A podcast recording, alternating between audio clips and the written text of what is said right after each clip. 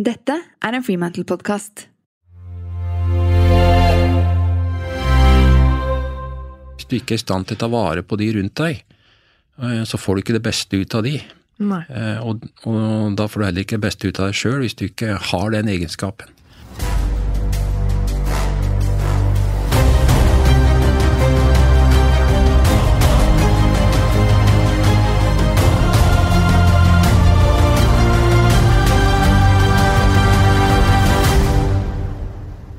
Velkommen til siste episode av sesong én av Grit Podcast. Grit er evnen til å ville jobbe hardt for sine langsiktige mål og visjoner. Og vi vet så langt nå at grit ikke er talent. Grit er ikke flaks. Grit er heller ikke hvor intens du ønsker noe i et gitt øyeblikk. I stedet så er grit hva forskere vil kalle å ha et mål, kall det gjerne en visjon, som du bryr deg så mye om at det faktisk organiserer og gir mening til alt du gjør.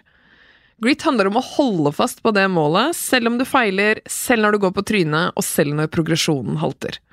I dag skal du få møte en spennende mann som vet hva dette handler om, og som har fått testet seg selv og andre på hvor mye mål og mening har å si under press. Helt til det ytterste, også når det kan stå om liv eller død.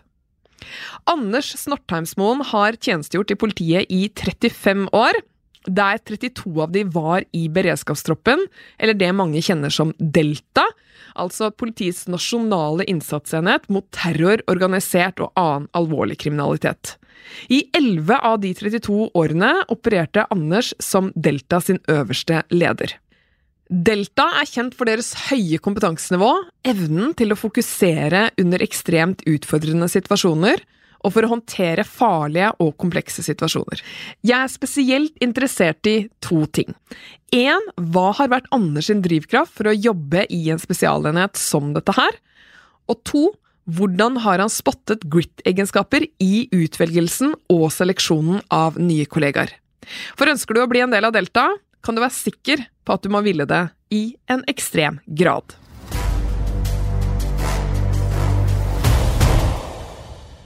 Ok, velkommen til Grit Podcast, Anders. Takk for det, Cecilie. Jeg vet jo hva du står for, så dette gleder jeg meg veldig til. Og jeg kjenner deg godt fra før av, men du må fortelle til alle lytterne våre hvem er du? Ja, eh, navnet det er Anders Nordheimsmoen. Jeg eh, er eh, nå eh, 64.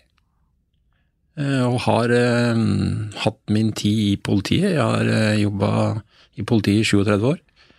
Og- Og 32 av de åra, det var i beredskapstroppen. Født og oppvokst i Valdres. Hatt en god oppvekst oppe i dalen. Fått gode verdier. Men også fått muligheten til å, å prøve meg litt på privaten i forhold til oppvekst. Ja, På hvilken måte da, tenker du? Nei, det er at man, man kommer jo fra et hjem, eh, et, for så vidt et godt hjem, men eh, med en far som hadde store alkoholproblemer. Ja. Eh, Så man hadde en god oppvekst til man var en 12-13, og så tok man mer del i livet. Det virkelige livet etter det. På Er godt og godt. Ja, på godt. Er det noe du vil si litt mer om? Altså hvordan det har preget deg? For du er jo en mann som har vært i veldig mange krevende situasjoner og har måttet ha ryggen til veldig mange andre. Mhm. Og så har du en oppvekst hvor du kanskje også da ikke har alltid vært like trygg, eller? Ja, det, det kan du godt si. Eh, Når jeg tenker tilbake på det, når jeg sto i det, så var det, det var en vanskelig situasjon. For det, det er jo alltid sånn, i, og i hvert fall var det det der oppe i, på hjemstedet mitt, at dette var ikke ting man snakka om. Eh, ingen skulle vite. Men antagelig så var det veldig mange som visste det. Eh, men som sagt, når jeg var en 13, ja, 12-13, så blei jeg ordentlig klar over det. Så faren min fram til da var et stort forbilde i mitt liv. Ja. Eh, Men så snudde det mm, ganske brutalt, og så etter hvert så blei det eh, mye vold og, og, og sånn som, man, eh, som både mor og, og barn ble utsatt for. Og det resulterte i at jeg etter hvert følte at jeg var den som tok ansvar, da, som veldig ung, overfor mor, og tok et oppgjør, fysisk oppgjør med faren min. Eh, eh, som resulterte i en, et hongemeng der, eh, der man i ganske ung alder da banka opp faren sin. da. Da var du 12-13 år? Nei, da, var jeg, da hadde jeg blitt eh, 16-17. Ja, Var du eldst i søskenflokken? Nei, jeg hadde en eldre bror. Ja. Og hvor, hvor hva, Hvordan gikk det med deg da?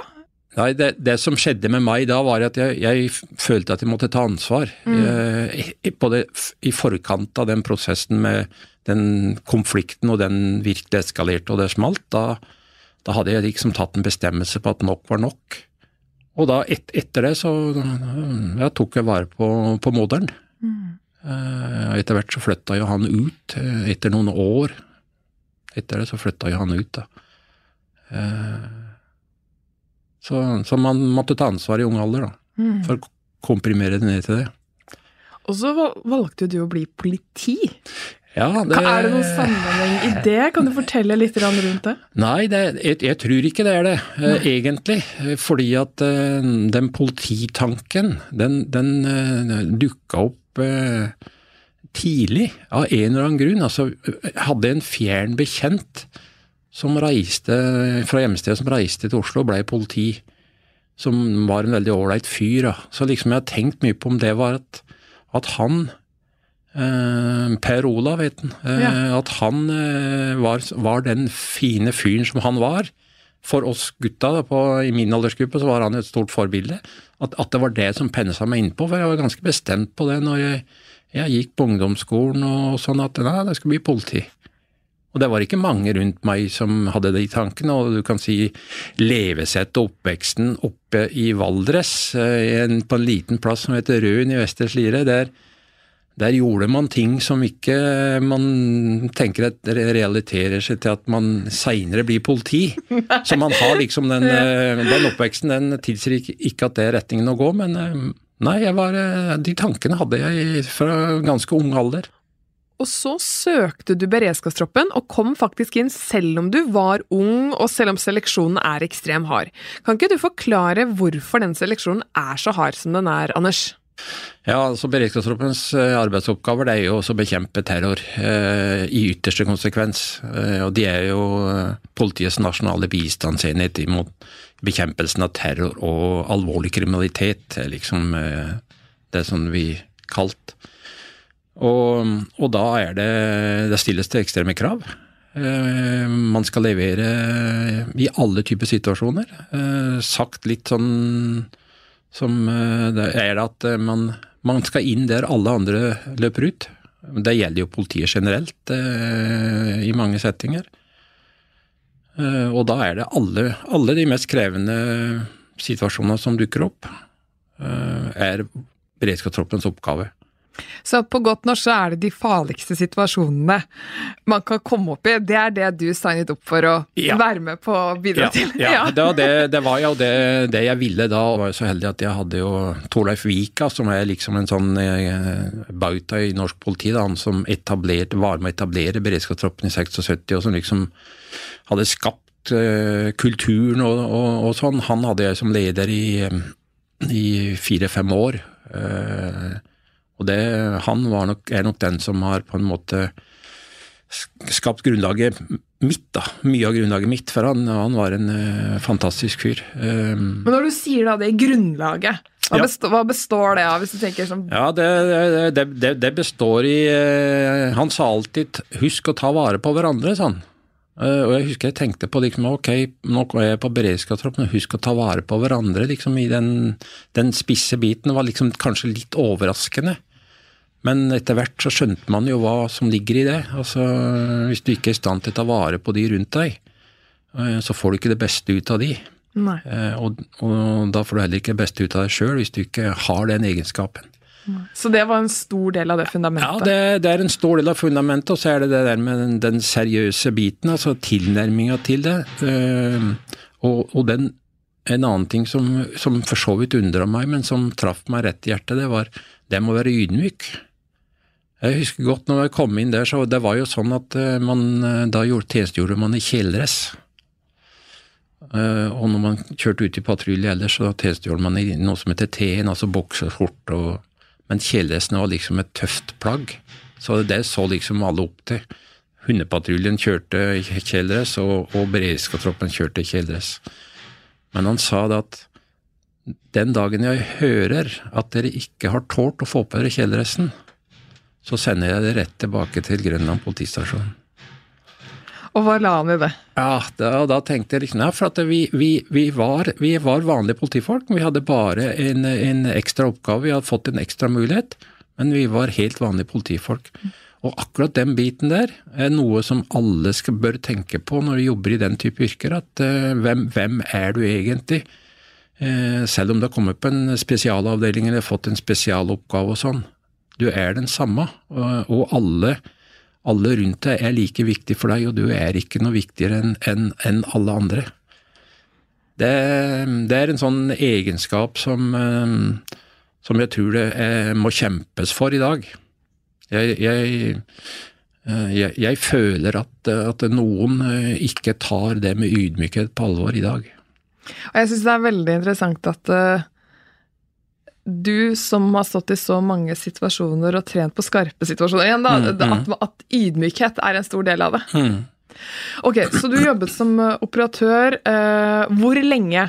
Du var 11 av de 30 var du sjef. Ja, Husker jeg ja, riktig da? Ja, stemmer. Ehm, eh, jeg jobba som operatør i ja, 16-17 år. Ja. Mm. Hva er det du husker best fra den perioden? Og hva, To spørsmål her, da. Hva er det du husker ja. best fra den perioden? Og hva var det som gjorde at du gikk fra da å være operatør til leder? Mm. Nei, Det som jeg husker best fra den perioden uh, som operatør, det var jo uh, alle de aksjonene man var med på. Uh, noen husker man fordi at det var veldig vellykka. Andre husker man fordi at man hadde opplevelser som virkelig satte en på prøve. Eh, og, og, man så ting som, som eh, man egentlig godt kunne tenke seg å slippe å ha sett og vært en del av. Men etterpå var glad for at man var en del av det, fordi at man utgjorde en forskjell for noen. Ja, fordi da er vi litt over faktisk på um, Du har vært en, uh, veldig tydelig på det at verdibasert ledelse mener du veien er å gå når man yep. virkelig bruker det yep godt. Og da hører jeg jo rettferdighet er viktig for deg. Eh, og så som du også har sagt til meg før, at det er jo nettopp det som er med verdier. da. Det, det, er veldig fint når det kan guide deg og gi deg veiledning, men det kan også være utfordrende når noe eller noen går på tvers av det. Mm. Men hvilke andre verdier vil du si har vært ja, en, en god guide for deg eh, som leder for beredskapstroppen? Mm. Ja, det, den, den, eh, ja, det er flere verdier som man kommer inn på da. Det der med åpenhet og ærlighet, eh, den, eh, den er veldig viktig. Sånn at man kan se seg sjøl i speilet i forhold til, i forhold til de avgjørelsene man tar, fordi at man håndterer jo mennesker. og Det ene er hvordan man håndterer mennesker i aksjon, og, og sånn der er det klare retningslinjer osv. Men, men det er også å håndtere ansatte i alle mulige settinger for å skape det beste laget. Da er vi litt inne på hvordan vi møttes i forhold til fotball og sånn, eh, Cecilie. Liksom, hvordan skaper man det beste laget? Mm. Eh, og eh, det å kunne rettferdiggjøre at man sier til noen at dette her, eh, nå, nå, er tida di eh, moden for at du gjør noe annet, eksempel. Eller det der med å si at det du gjorde nå, det er ikke godt nok. Eh, den tilbakemeldingskulturen som, som, må være på et sånt sted, den direktheten der, den, den trigger at du også Altså at du står for noe sjøl, sånn at det, at det, er troverdig når du kommer med det. Så Syns du det har vært vanskelig da hele tiden? Fordi det som du sier, at det, det fordrer at du walk the talk. Ja. Har det vært vanskelig innimellom? Fordi du er menneske, du òg. Du har en familie ved siden av. Du mm. har dårlige netter, du òg. Ja. Har, har, du noen gang tatt deg selv i å i noen blindsoner hvor du selv har sett at nå er jeg litt på skeivspor av hva jeg selv står for her? Ja. Har det skjedd? Helt klart. Ja, ja. ja. Det, og det det er nesten så jeg sier, det er ikke for å unnskylde at man har vært der, men jeg vil nesten si at den som ikke har vært ute der og sykla, er ikke ærlig, tror jeg. Eh, for at noen ganger Det koster å, å, å, leve opp til sine egne forutsetninger, liksom sånn. altså Det koster litt innimellom. Og at man har, at man har bomma der, ja, helt klart.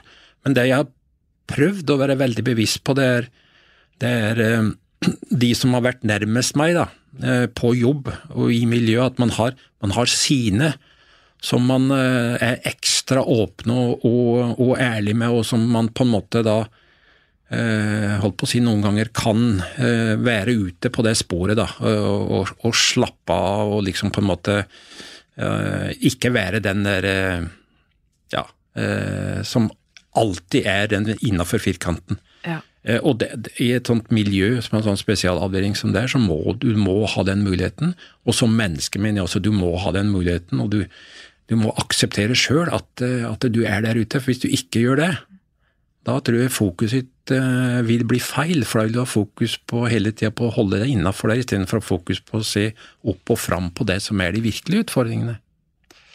Veldig godt poeng. Du, sånn, du sier veldig mye. I en sånn avdeling så må man. Mm. Hvorfor må man ha så tydelig tilbakemeldingskultur? Jo, for at eh, jeg mener jo at alle mennesker eh, går i en forsvarsposisjon hvis de har gjort noe, da. Eh, Og, da relaterer jeg Da ser jeg på meg sjøl at noen ganger så liksom når noen kommer til meg og sier men Anders, dette her, sånn kan det vel ikke være? liksom, så Noen ganger så er garden oppe sånn helt automatisk.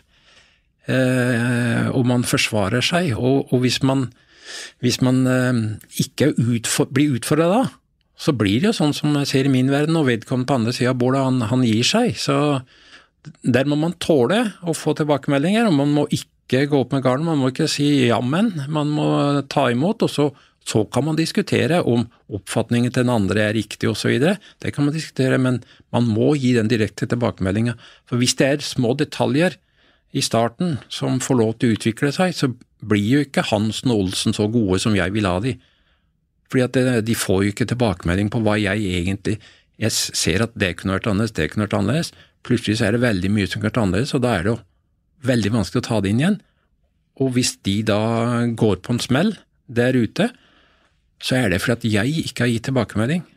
Og Det samme er jo hvis, de, hvis jeg går på en smell som leder, så er det jo når jeg utfordrer mine til å, å, å være åpne tilbake. Eh, Så hvis ikke de er det, så Stopper du utvikling? Så, ja, så stopper jeg. Det er min utvikling. Og, det, og så er det, en, det er litt tilbake til den med rettferdighet. altså Hvis jeg skal dømme deg, Cecilie, for hva du står for, så, så, må, så må, da må jeg være ærlig med deg. Og, og, og hvis jeg plutselig er ærlig med deg, ikke har vært det på to-tre år, men plutselig, nå skal du høre, Cecilie, dette har jeg tenkt på i to år og si til deg, da, da har ikke du hatt sjanse til å justere på noen ting. Nei. Veldig urettferdig på Og, mange måter. og, og, og, det- og det handler om å skape det beste laget hele tida. Liksom, så man kan, man kan liksom på en måte si til vedkommende at ja, dette her er viktig fordi at Det er viktig for at du leverer best, men det aller viktigste er jo at totalen blir best. Og hvis du leverer best, og makken leverer best, så er, da er sjansen mye større. Så alt skal lede til det, og det, det gir Ja. jo, kall det tilbakemeldingskulturen, også et helt annet fundament Ja. enn om at man bare skal gi klare meldinger hele Ja. tiden. Ja. Ja. Ok. Um, også er det på det, ja. til, tilbakemelding, altså det som er, det som er viktigere, å liksom ha et, et eh, godt fokus på hva er en tilbakemelding, da, og når, når, når gir man den.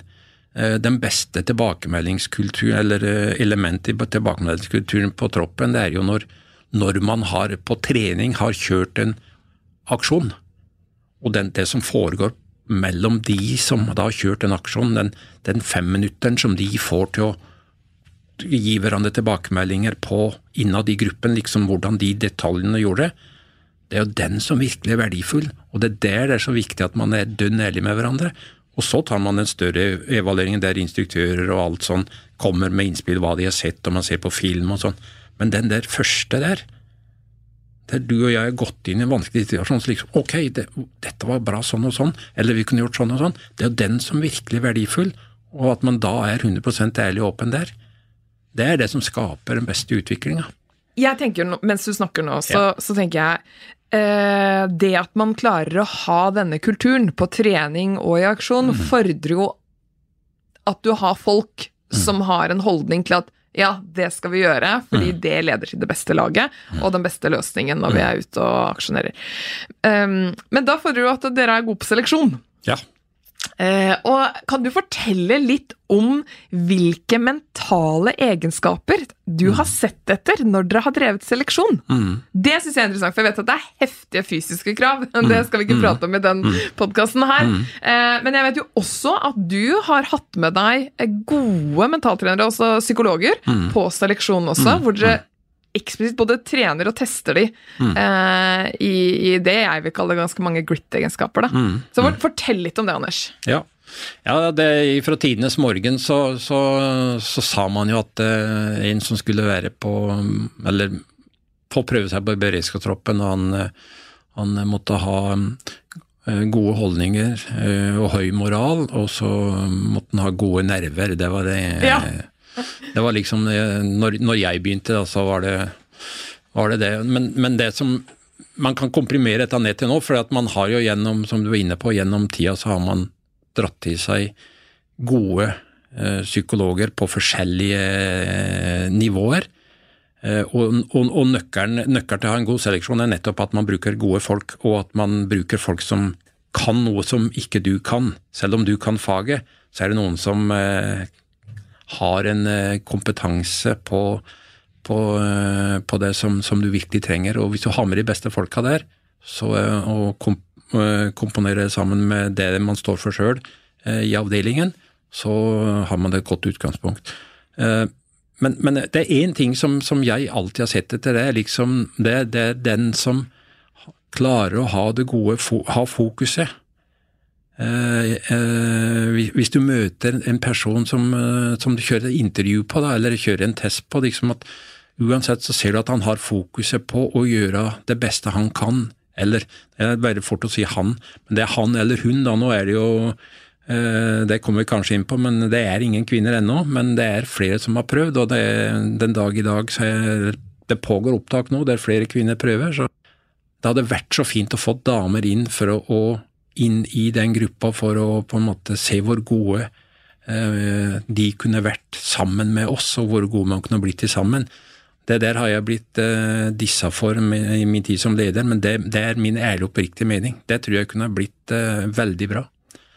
Men, men, den stabile, gode, den som klarer å holde fokus, det er det jeg leiter etter. Du er inne på det med den fysiske biten som ligger i bånn, men den, den, er lik for alle. Altså, den ligger bare der.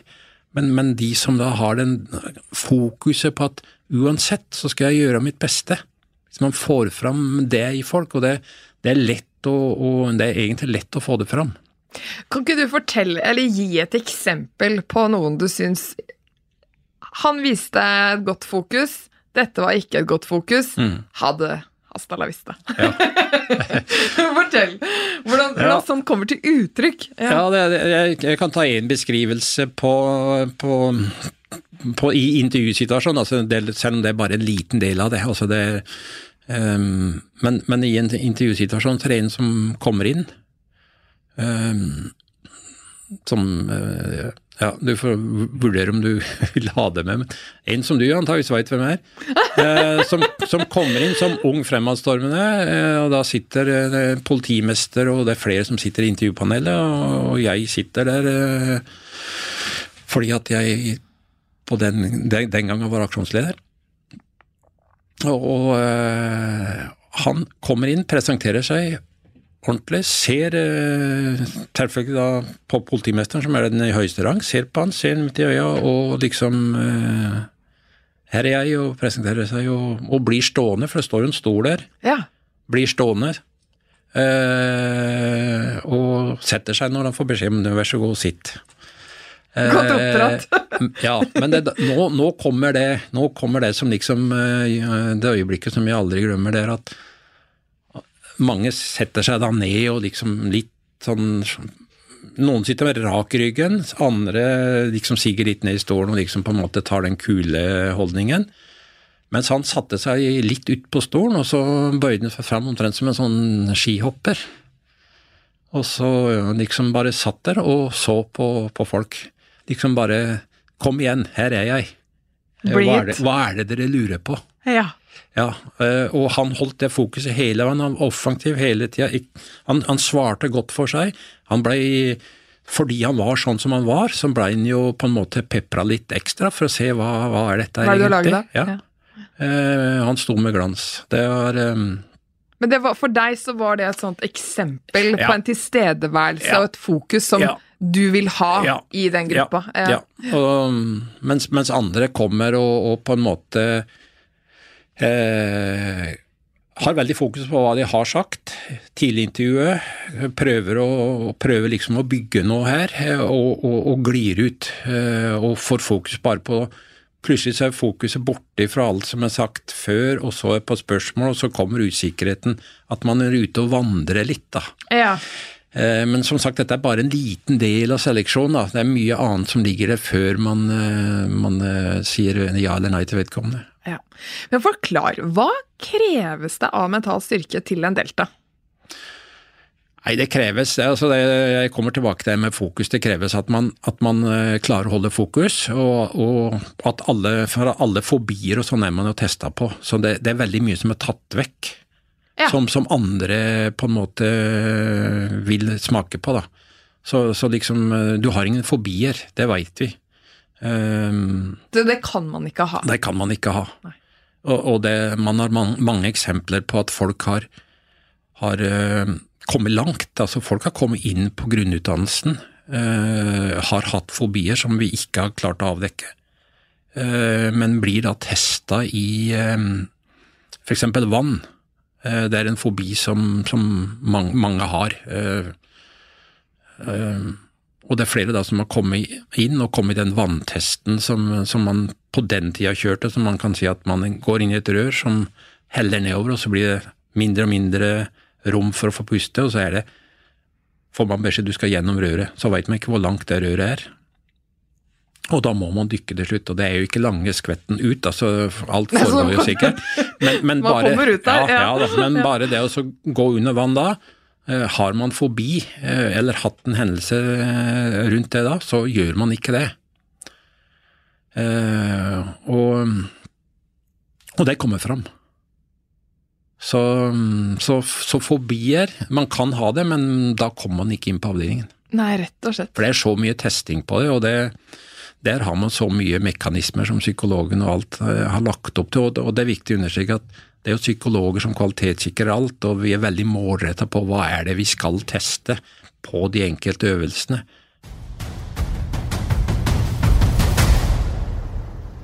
Schibsted bedrift er min annonsør, og ettersom dette er siste episode for sesongen, så tenker jeg å minne dere på at de ansatte hos deg nå kan få digital tilgang til alle de 16 nyhetskildene i porteføljen til Skipsted med det nye digitale abonnementet til Skipsted bedrift. Full tilgang. Det vil si tilgang til Aftenposten, VG, E24, Bergens Tidende og Stavanger Aftenblad. Det er ingen tvil om at dette er en god investering for jevnlig påfyll av både kunnskap og informasjon, som er viktig i de aller fleste rollene. Og med tilgang på flere aviser får dere dekket bredt med tanke på både fagområder og perspektiver. Gå inn på bedrift.skipsted.no for å få et tilbud tilpasset akkurat din bedrift. Du har jo da både som operatør og som leder vært en del av denne prestasjonskulturen i mange, mange år. Og jeg kan jo bare tenke meg hvilke refleksjoner og alle tanker som går gjennom, følelser som går gjennom kroppen din alle disse dagene. Fortell meg hva du personlig har gjort for å bygge opp en robusthet som har tålt det i så mange år. Det er et stort spørsmål, men Ja, ja. ja men eh, jeg, jeg tror at noe av svaret, Cecilie, det ligger i at jeg alltid har eh, alltid har eh, drevet med å visualisere ting. Helt ifra jeg var, eh, som man kaller kanskje dagdrømming og, og guttedrømmer og, og sånn når man er yngre, men det med å visualisere seg i forskjellige settinger. Det, det, det har jeg alltid gjort, og det har jeg brukt aktivt hele livet, egentlig. kan du gi meg noen eksempler? Ja, altså, altså nå, nå kan man jo bli eh, Lurer på om man plagierer noen, men, men altså, når jeg var tolv år, så var jeg, gikk jeg på ski. Og da var jeg jo alltid Johs Harviken, het en eh, gammel langrennsløper. Eh, Og jeg hadde litt talent på ski ja, på den tida, trodde jeg sjøl. Jeg vant, ja, ja, ja, ja, og, og vant, vant eh, alle klubbrenna den, den sesongen jeg var tolv år. Eh, Men siste rennet så kom kompisen min og slo meg. Han er fortsatt eh, en god kompis. Og da brøyt jo tolvåringen sammen, og gråt. Og så og så sto jeg på hjørnet på Samfunnshuset og gråt som en unge, og så ser jeg at bestefaren min kommer. Med pipa. Smatner på pipa, så kommer han bort. Og så legger han hånda på skuldra mi, og så da tenker jeg at nå får jeg trøst. Nå blir det, nå blir det sjokolade og brus og sånn på kafeteriaen etterpå. Liksom, så da ble det jo enda mer grining. Og så spør han står der og griner, han der, sier han. Ja, far smurte bort skia, og alt gikk til helvete, og Bjørn slo meg, og liksom bare kom dette ut, og så, så blir det helt stille, og så smatter han på pipa, og så sier han ja, hva har du tenkt å gjøre med det? Da brøt jo tolvåringen helt sammen. Men det der har jeg faktisk, eh, når jeg tok det fram, jeg tok det fram i noe i den tidligere hendelsen vi snakka om, at hva kan man gjøre med det? Det har jeg tatt med meg hele veien. Hele, eh, som du, når du spør om liksom hvordan jeg har klart å gjøre, så, så, så er det at jeg spør meg sjøl ja, hva kan du gjøre med det, Anders? Hva er innenfor Det- din kontroll? Ja, det, det, det, det har jeg spurt meg sjøl mange ganger når, når det har sett litt, eller sett mørkt ut, da, for det har det jo gjort noen ganger. Altså det, det igjen tilbake til at hvis, hvis folk ikke har hatt tunge stunder, og ordentlig tunge stunder, så, ja, så har de vært heldige, for å si det sånn. Eh, Jeg tror ikke på alle som sier at de har hatt det så enkelt. Um, så, og det med å visualisere, da, som kommer inn, hvordan jeg kan gjøre det. Uh, Og det med visualiseringa har noen ganger uh, tatt litt over. Jeg visualiserer jo, og gjør det fortsatt den dag i dag, hvordan jeg vil agere i diverse hendelser. Eksempel når jeg kjørte hit i dag, så liksom ok, hvordan vil jeg hvis den traileren nå kjører inn her nå, det blir den trafikkulykka, hva gjør jeg da? Ja, du er hele Eh, tida ja, ja, på mange ja. måter beredt, men, men, men det gjør jo at du, du blir tryggere da, hvis ja. dersom det skjer. Ja. Ja, så, så liksom det må visualisere skarpe situasjoner, liksom. Eh, sitte på toget, hva gjør vi hvis, og så videre. Og så er det mange som sier at men, du, du, åssen har du det i livet, liksom? Men for meg så er dette helt naturlig, jeg er ikke noe stressa ut av dette der, men jeg kan faktisk sitte og drikke en kopp kaffe hjemme, drive med helt andre ting. Plutselig så kan jeg gå inn i et sånt scenario og tenke. Og dette, jeg mener at dette skaper utvikling, for det, det du har tenkt, og det du har tenkt på, men dette vet jo du mye om, men altså, er du forberedt, sånn noenlunde forberedt på en eller annen ting som skjer, og du har tenkt tanker rundt det, så er sjansen for at du gjør en god vurdering i, i situasjonen mye større enn at du er helt uforberedt. Da er det tilfeldig nesten hvordan du Og da går det på mer på automatiske handlinger, som ikke alltid er de riktige handlingene i en sånn setting. Ja, Det er veldig gøy at du sier det, for veldig mange som snakker om liksom, hva kjennetegner gode forberedelser. Det er mange som ikke tenker gjennom at ok, nå har vi en god plan, men, men dette med å visualisere planen, og hvis som, hva skjer hvis det ikke skjer, osv., Yes. det, det er jo dere veldig gode på. da. Ja. Veldig et undervurdert verktøy eh, blant folk flest, det Ja. å bruke visualisering. Så man, tørre, tør- man må tørre det er, ikke, det er ikke farlig å visualisere. Nei, det, det, man, man må tørre å gjøre det, man må være ærlig på at man gjør det. Og kanskje motivere andre til å gjøre det òg, for det, det er et verktøy som, som øh, Og da går litt tilbake til hvem du er som person. men Hvis du har trua på et verktøy, om, om, du, om det høres dumt ut, så få det fram, da. Fortell det. Dette eh, funker for meg. Ja. Men du, Anders. Rett før man skal inn i en skarp situasjon, hvordan forbereder man seg mentalt da for å bygge opp den styrken som gjør at du tåler det du eventuelt kommer til å møte på? For det er liksom som du har sagt, altså du, det er noen ting du har vært med på å løse som du har gode bilder av, og så er det noen ting du skulle ønske du ikke har sett. Og det krever en stor tåleevne. Mm. Hvordan forbereder man seg rett før man skal inn i en sånn situasjon og mobilisere da? Ja, da, da må vi ta det litt, litt tilbake, fordi at eh, noe av grunnlaget for det, de tankene man har rett før en aksjon, eh, det grunnlaget legges i det daglige. Eh, gjennom, gjennom at man har scenariotreninger, man har et veldig fokus på hva gjør man i de forberedende fasene før man står utafor døra, som det ofte er, da, eller rett for et startpunkt på en aksjon. Sånn at, at alle elementene er på plass. Eh, Og ut ifra, det så, så har man faste rutiner når man, når man kommer til det punktet når man venter på go, da. For når go kommer, så ruller toget, og enten om man da kjører innpå eller eh, sparker opp dør eller sprenger opp dør. Altså go, da er du i gang. Det du ikke har gjort før go, det, det eh, får du ikke gjort. Um, og, da, og, da, er det å finne det riktige nivået. Altså man har, man har uh, forskjellige nivåer. I det daglige så er det på, som man kan kalle det, grønt nivå. Da slapper man av og er ja, koser seg. Har fokus på, på, det som er oppgaven da. Så går man på gult hvis er man får informasjon, læring uh, osv. Er man på gult og er uh, skjerpa. Og der er man da så lenge det er nødvendig. Man kan gjerne gå ned på grønt igjen i en fase for å roe helt ned, men så er man på gult. Og så er det én rød sone som er der, der du er når du satser alt, omtrent som på en fotballbane. når du spissen er på vei gjennom. Du som midtstopper, du har kun én mulighet, og det er å klippe ned akkurat på sekundet der da. Da er du i rød sone, for da satser du alt. Men der kan du ikke være lenge. Du må ned i gul sone igjen. Så det, det, er sånne ting som ligger i, i, eh, i, i bånn her. Men når, når, operatøren da er rett før go, så har han sine, gått gjennom sine rutiner. Han, han har en veldig, har veldig fokus på sin oppgave sitt utstyr, eh, at den er 100% klar, det har han klare rutiner på. Så har eh, å, å dra tilbake til meg sjøl, jeg hadde et fokusord som jeg sa til meg sjøl, og det var veldig enkelt. Det, det var fokus. Um, det er fra en gammel idrettspsykolog, Willy Railo, og, og, den biten der, for jeg har levd noen år. Men, men da, når jeg sa, sa, fokus til meg sjøl, det sa jeg når jeg hadde gått gjennom alle de tinga som jeg skulle gjøre. Da var jeg klar. Alt ifra Jeg visste at jeg hadde skudd i kammeret, jeg visste at uh, alt vesten var på, flashbang var klar. Jeg visste jeg var klar på oppgaven min. Uh, og da, når jeg har gått gjennom det, så sier jeg fokus til meg sjøl. Så her hører jeg veldig god kontroll på spenningsnivå. Ja. Når skal jeg være i hvilken sone? Mm, mm. Og du har ganske klare arbeidsoppgaver også mm, mm. i hver sone. Ja, og så er, er du inne på det der med, med, Du har veldig fokus på, på, på arbeidsoppgavene ja. dine, og, det, eh, og, du gjør bare oppgavene dine.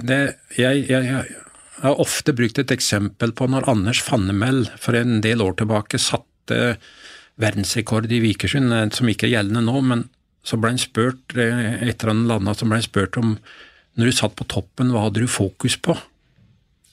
Og så sa han at jeg hadde fokus på arbeidsoppgavene, så gjorde jeg det, så blei det så langt som det blei. Og det er akkurat det, det, det har jeg brukt mye, sånn, den type tenkning. At hvis man har fokus på arbeidsoppgavene på, Man må ikke ha fokus på hva resultatet kan bli. Men prosessen. Ja. Så, og, og, det er samme med, og Da går vi litt inn på det med både med før du står i, i aksjon og etterpå, at du må få, for å få noe ut av dette der. Uh, særlig på evaluering, da, hvis du går til evaluering så må du, du kan ikke se på resultatet. Resultatet er der, det. Det får du ikke gjort noe med. Men hva gjorde vi før resultatet? Og det er samme med aksjon. Hva gjorde du før du gikk inn i en aksjon? Eh, og det er de forberedelsene der som er så viktige, og det at man har veldig gode rutiner på det. Og at man, eh, det med scenariotrening som jeg nevner innimellom, det er at det, det, er med på å ta bort all, veldig mye av det stresset som du vil kjenne på før en sånn operasjon. Ja. For at det, du har tenkt på veldig mye av det. Ja, og noen ganger så blir det en helt annen situasjon enn det du har forestilt deg, men du kan ikke drive og, og du kan ikke drive og når, når, du står utafor døra her og venter på go, da er den visualiseringa om hva dekka kan være, da, da er den borte.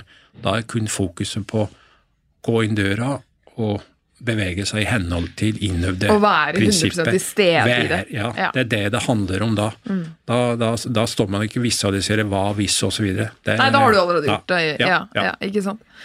Så spennende. Men, men, det man da i hvert fall hører, er at det er en man må ha en stor tillit til treningen og forberedelsene sine. Det er det som gjør at du klarer i den oransje eller røde sonen å bare være der. Ja. ja. Ikke sant. Har du tro på type meditasjon og, og den type ting, som jo Forsvaret er kjent for å ha, ha brukt litt tid på?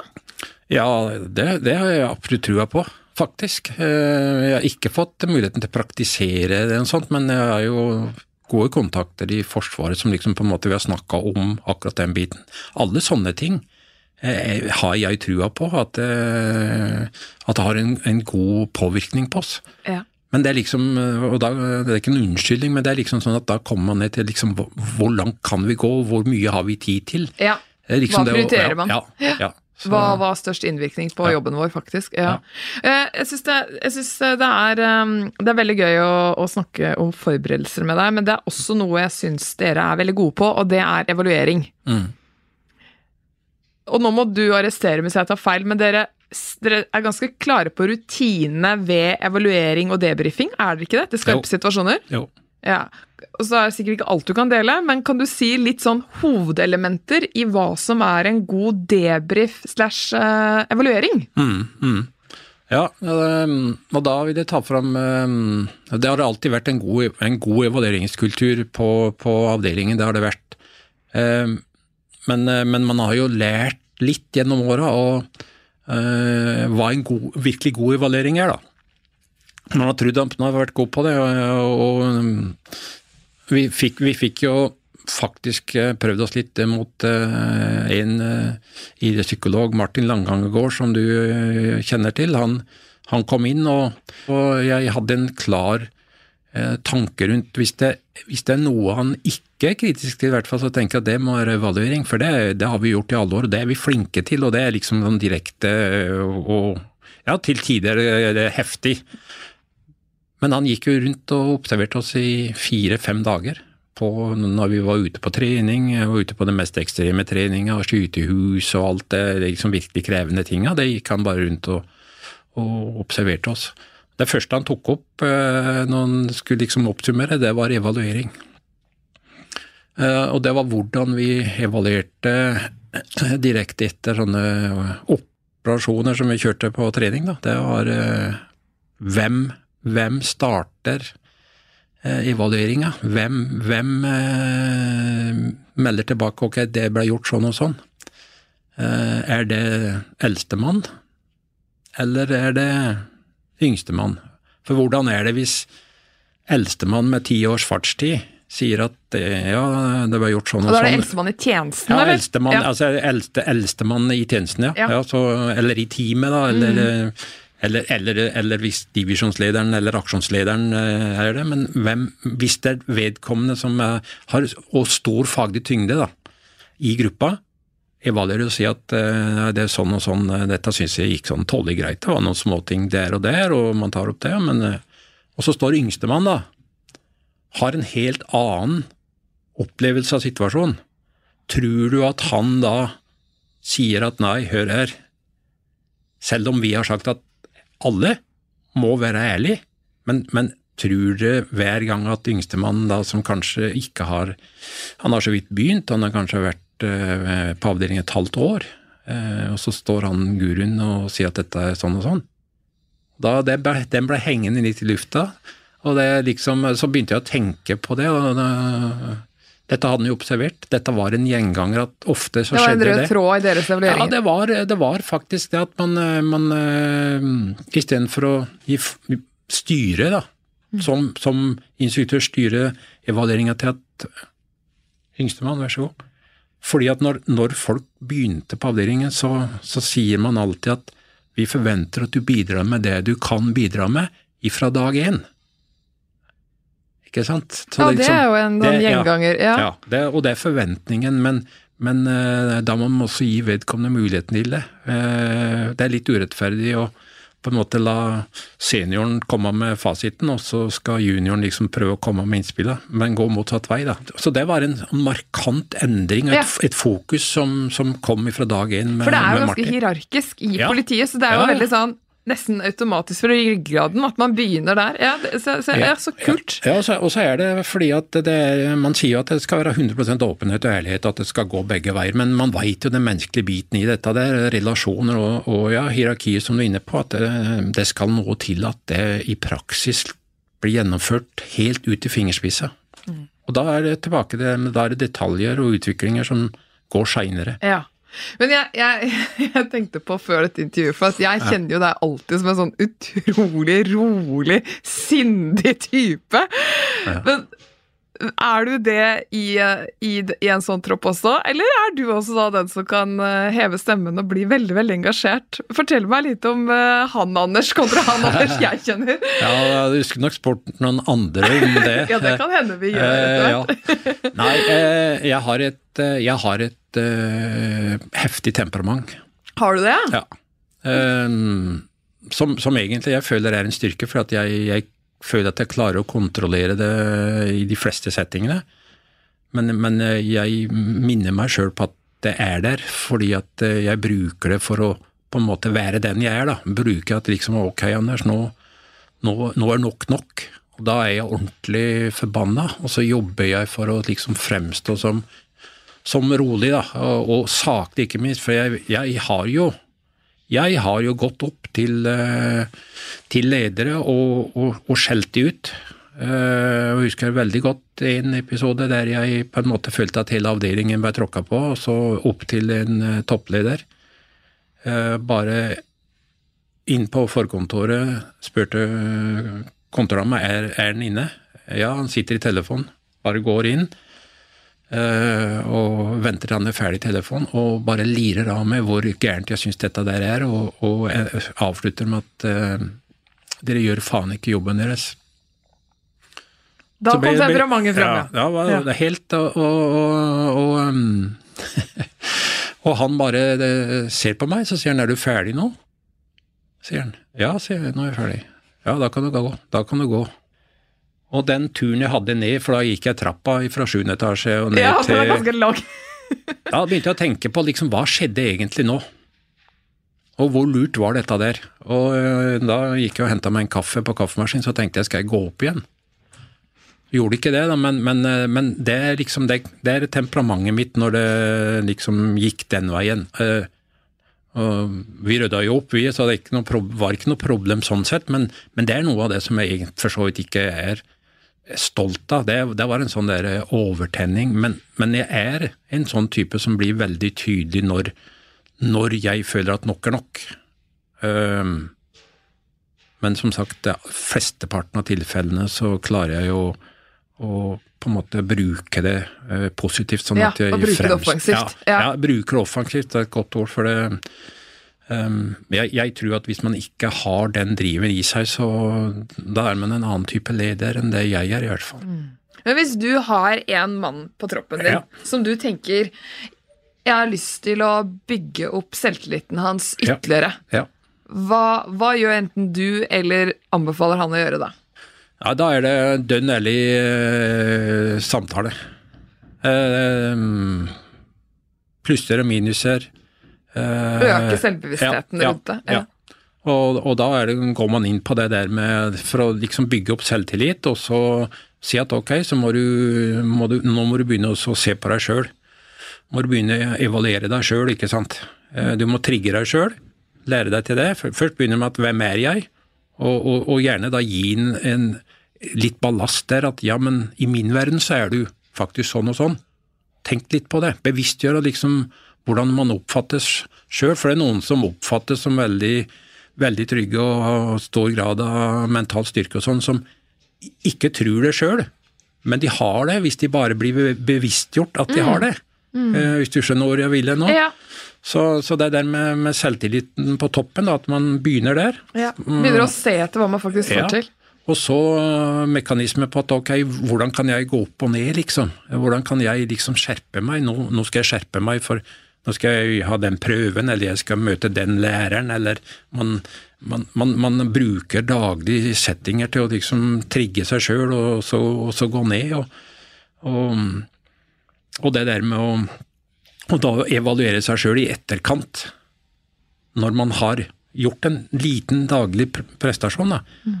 Hvordan gjorde jeg egentlig dette der? Og så være ærlig med seg sjøl da.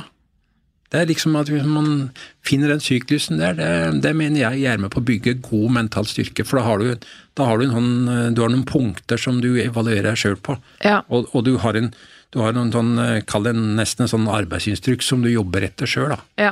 Og det er, for det, ja, for sånn jeg også hører det, så er vi jo Vi kan fort bli veldig dømmende overfor oss selv, litt lite nyansert. Yep. Så det jeg hører du sier, er jo at du er tydelig Når man er tydelig på hva er det jeg skal prestere på, Ja. eh, og begynner å, å se etter hva var bra, hva var dårlig også, så blir du mye mer konstruktiv ja. i dømmingen og tankene rundt deg selv. Yes. Og det er enklere også da å bygge mestring deretter. Ja. Er det sånn jeg hører det? Ja, det er det også, også, som du er inne på, den, den kreative biten i oss, den må vi dyrke. Altså, vi må dyrke den, sånn at man, man må ikke si at man, ja, vi må følge de og de punktene, så, så blir dette bra. Ja, men eh, du må være kreativ rundt alle punktene òg. Så den kreativiteten, den, eh, den, den er faktisk noe av det viktigste på, eh, i et sånt miljø. da. Det er at man klarer å beholde den.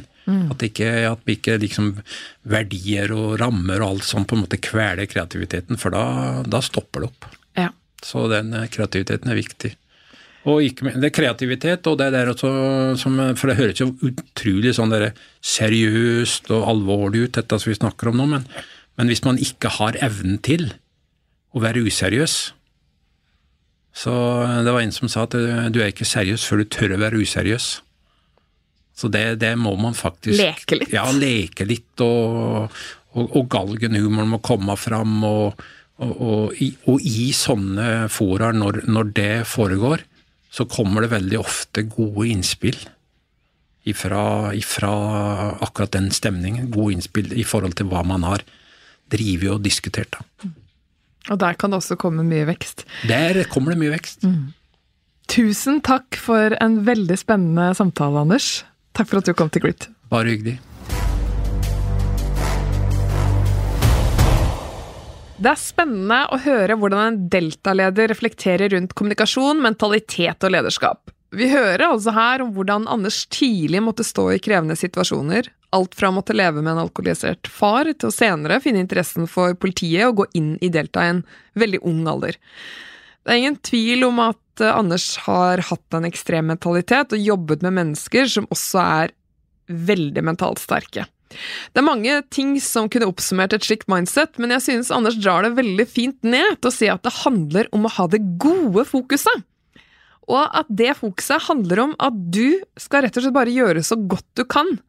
Han legger også veldig vekt på betydningen i å være ydmyk, og et eksempel på det er jo hvordan han har tatt inn ulik kompetanse og folk i enheten som kan noe som ikke han kan. Det synes jeg er inspirerende. Og i spørsmålet om hvordan han bygger selvtillit i andre, så snakker han om betydningen av å gi andre ærlig feedback på både styrker og svakheter, med mulighet til å se mer etter de tingene vi mestrer. Og det drar meg over til dagens øvelse.